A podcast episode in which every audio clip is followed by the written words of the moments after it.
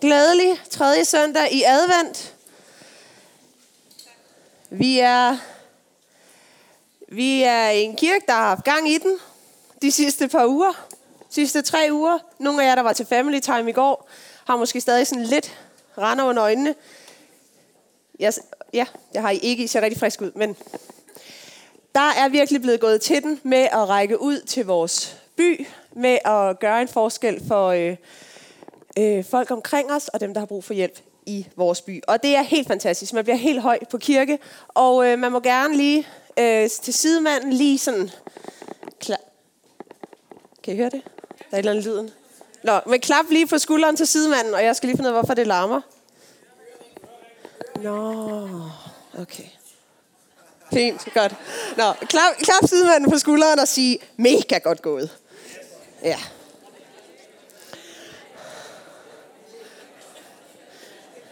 Rigtig godt. Det er en meget anerkendende kultur, vi er i gang med at bygge op her i kirken.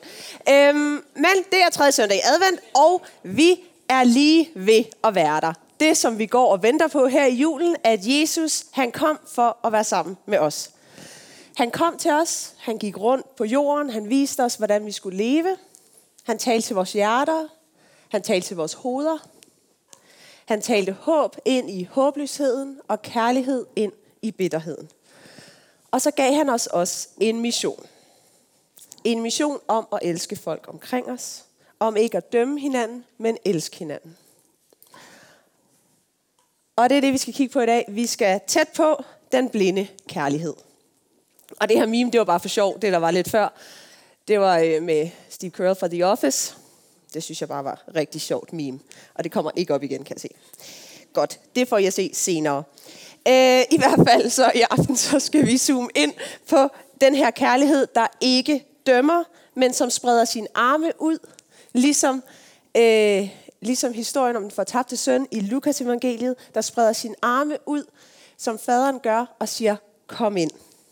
Med udstrakte arme, der ønsker vi som inkluderende, som inviterende kirke, at møde hinanden og møde øh, min næste på gaden med udstrakte arme, der ikke først beder om en eller anden forklaring, eller øh, en eller anden undskyldning for, hvorfor man lige er endt der, hvor man er endt, siden man har brug for hjælp.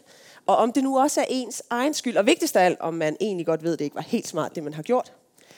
Nej, vi ønsker at møde hinanden med en kærlighed. En kærlighed, der ikke dømmer, og vi må bede om, at Gud han må fylde os med hans kærlighed, så vi kan skyde med spredhavn.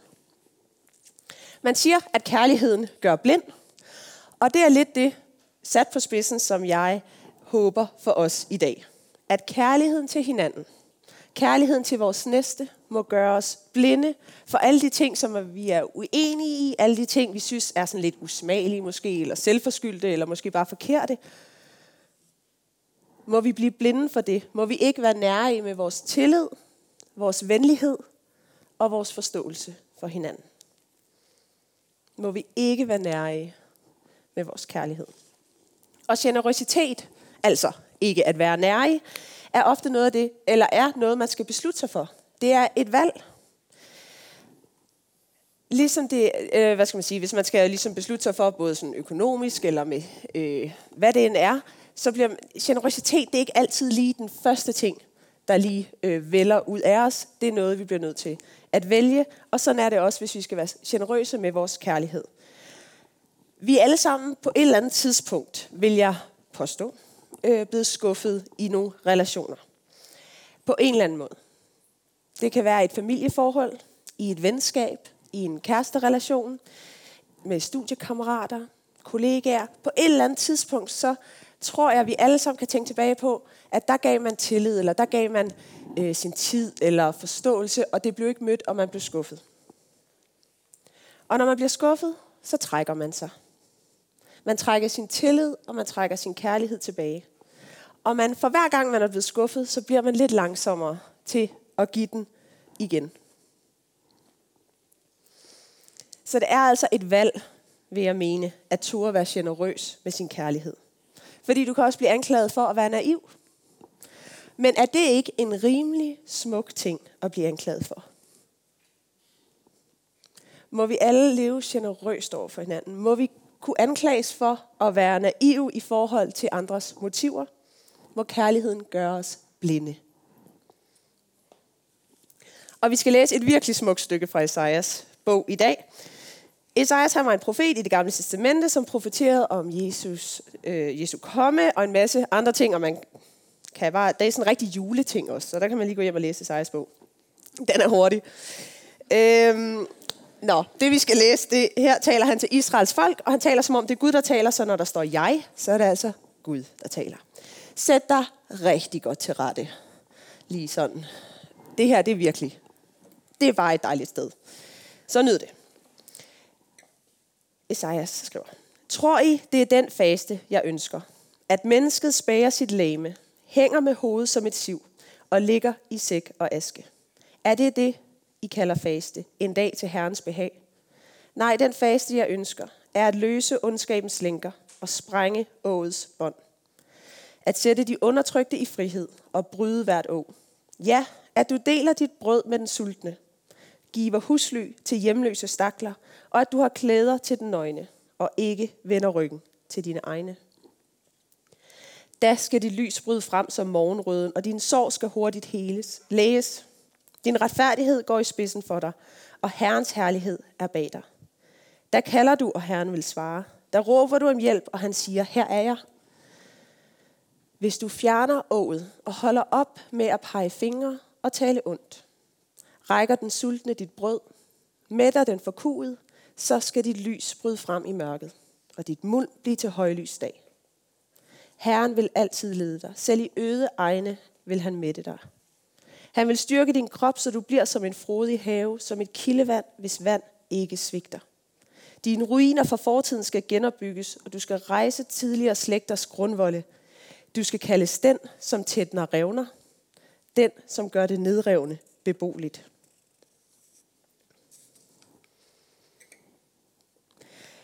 Og jeg synes, det er top relevant at tale om, hvorfor det er, at vi som kirke mener, at det her med at være til for andre end os selv, er en bunden opgave.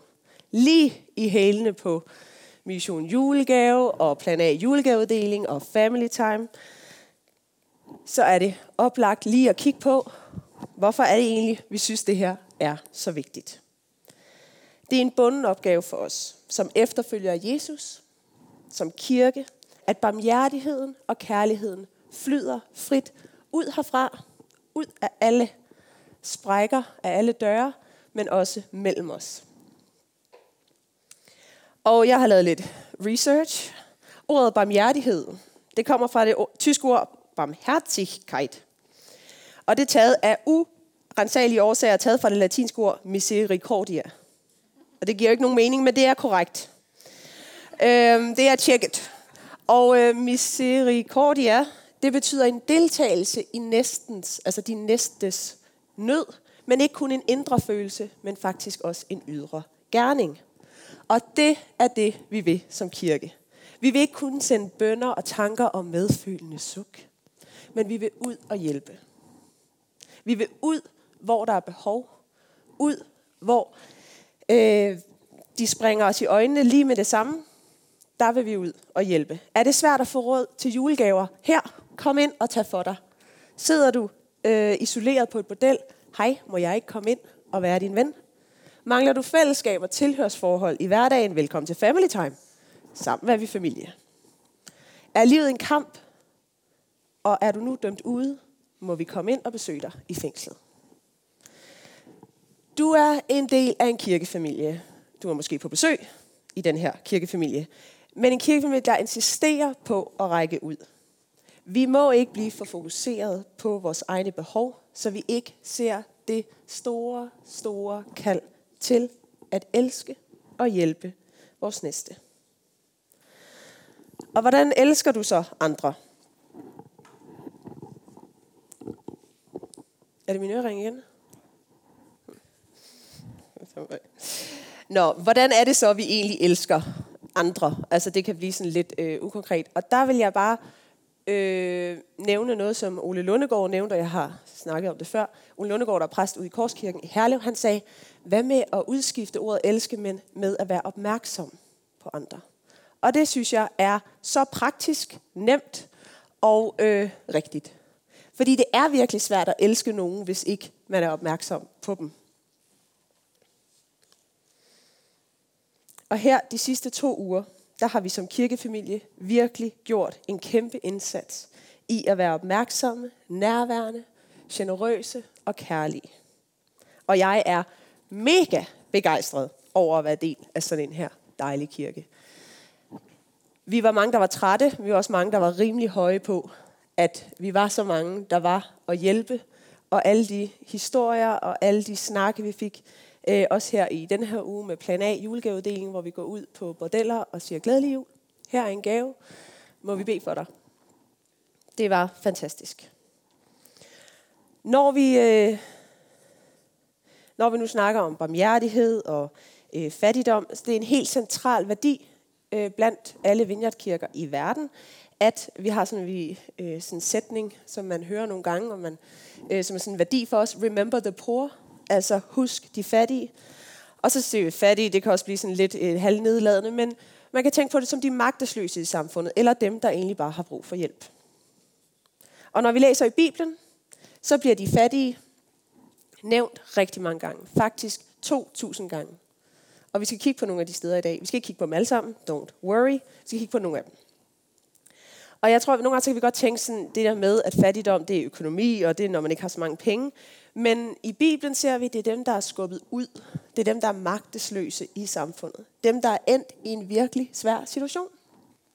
Det er ikke bare økonomisk, men det kan også være socialt, sundhedsmæssigt, øh, familie, familiært på en eller anden måde. Øh, alle mulige øh, aspekter kan gøre, at man ender i en situation, hvor man bare er magtesløs.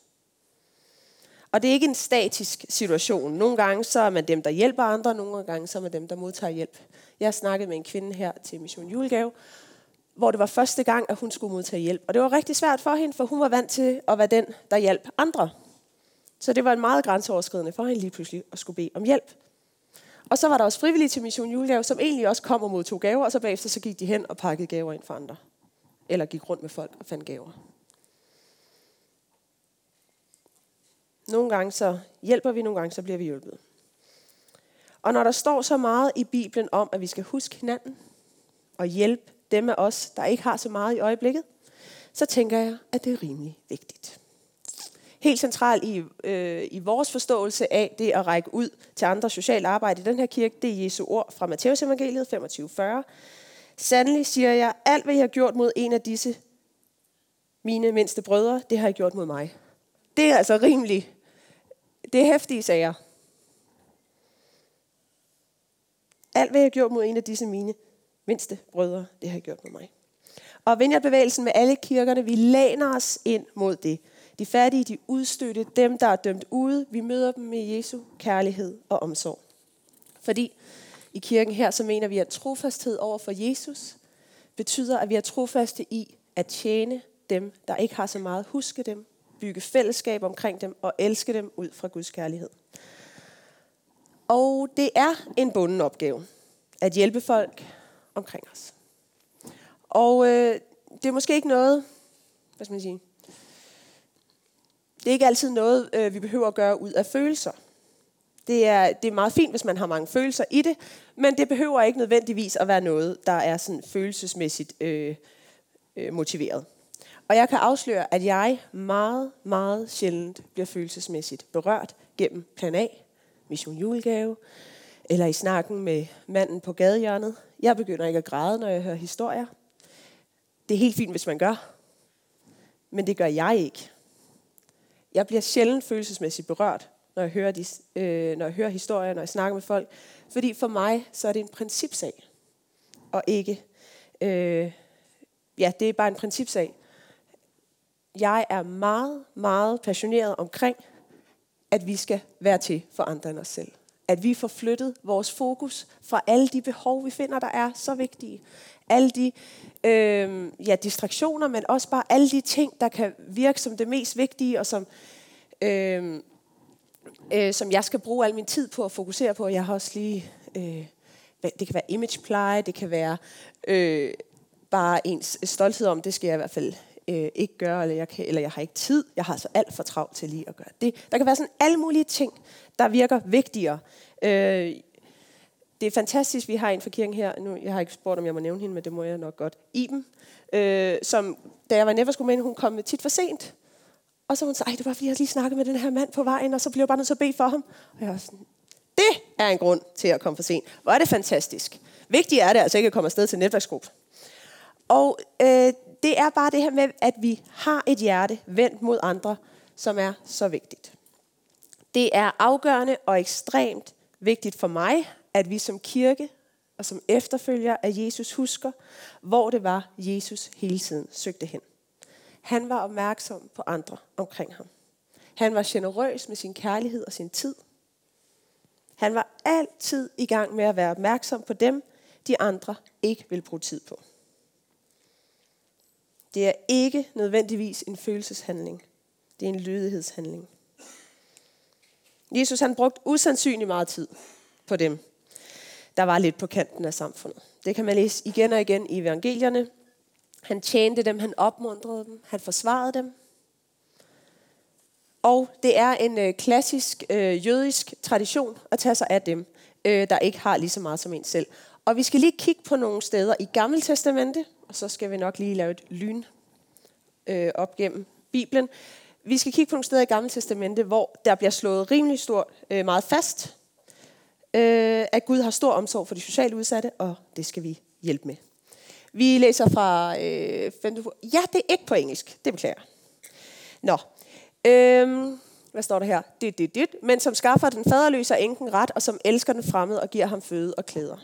Så er der også, der vil altid være fattige i landet. Derfor giver jeg dig den befaling. Luk din hund, hånd op for din landsmand, for alle trængende og fattige hos dig i dit land. Og for Hoseas, jeg ønsker barmhjertighed frem for slagtoffer. Det er vigtigt, at I kender mig, adlyder mig, end I kommer med brandoffer. Der er rigtig mange. Det her var nogle af dem.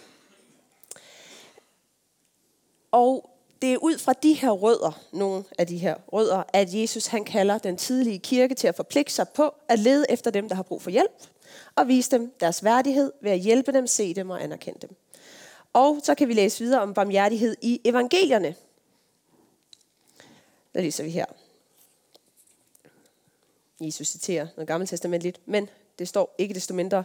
Øh, Herrens ånd er over mig, fordi han har udvalgt mig. Han har sendt mig for at bringe godt nyt til de afmægtige, forkynde frihed for de fangne, give nyt syn til de blinde, rejse dem op, som er blevet trampet ned. Og i Lukas siger Jesus også, derpå sagde Jesus til verden, når du inviterer gæster til spisning, skal du ikke kun indbyde dine venner, søskende, slægtninge og rige naboer, for de inviterer dig jo bare til gengæld. Så har du fået din belønning. Indbyd heller de fattige, lamme, blinde og andre handicappede. De kan ikke gøre gengæld, men Gud vil velsigne dig for det, og du vil få din løn den dag, de som hører Gud til, genopstår fra de døde. Og som en efterfølgelse af Jesu eksempel, så levede apostlerne og den første kirke Jesu barmhjertighed og kærlighed ud i deres hverdag. Og her læser vi, hvad Paulus siger. Hjælp dem af jeres medkristne, som er i nød. Vær gæstfri over for de fremmede. Og Jakob skriver, tænk jer om, kæreste venner. Har Gud ikke netop udvalgt dem, der er fattige i verdens øjne, til at være rige i troen? Er det ikke dem, der vil få del i den herlighed, som Gud har lovet alle, der elsker ham? Og Jakob skriver lidt tidligere faktisk, ja. Nej, en god og ægte måde at tjene Gud på, Gud vor far på, er at tage sig af forældreløse børn og fattige enker og undgå at blive forurenet af værtslighed. Det var lige en lyn gennemgang. Men altså tydeligvis, så har Jesus kaldet os til at tage os af hinanden og dem, der har brug for hjælp. Både for deres skyld og for vores egen. Og vi har brug for, som efterfølgere af Jesus, nogle gange at blive rystet lidt i vores hverdag. Vi kan blive optaget, som sagt, af rigtig mange småting. Vores egen luksusbehov og at leve op til en masse forventninger fra arbejdsgiver, undervisere, familie, forældre, alt muligt. Og vi har brug for at få flyttet vores opmærksomhed væk fra os selv og over på nogle andre.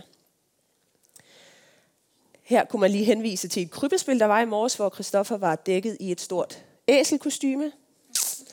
En, et teologiæsel, der var rigtig stolt over hans øh, slægt, som havde stået både ved siden af Mufasa, da Simple blev løftet op, havde været i løvekuglen med Daniel og noget med Moses. skibskaptajn på Noahs Ark. Et meget stolt æsel, som lige pludselig gennem krybespillet fandt ud af, at det jo ikke handlede om ham. Han var en del af noget større, og det var rigtig godt for æslet. Det blev æslet faktisk rigtig glad for. Det var en meget fin morale. Det var det. Øhm, og det er jo nogle gange det, som vi har brug for. Lige at blive rusket ud af vores, øh, det, der optager os så meget, og der er så, åh, så vigtigt, at jeg øh, opret, eller jeg sådan, den status, jeg har, den skal opretholdes, og ved I godt, hvem jeg er, eller hvad det er, som os æslet gik og baksede med.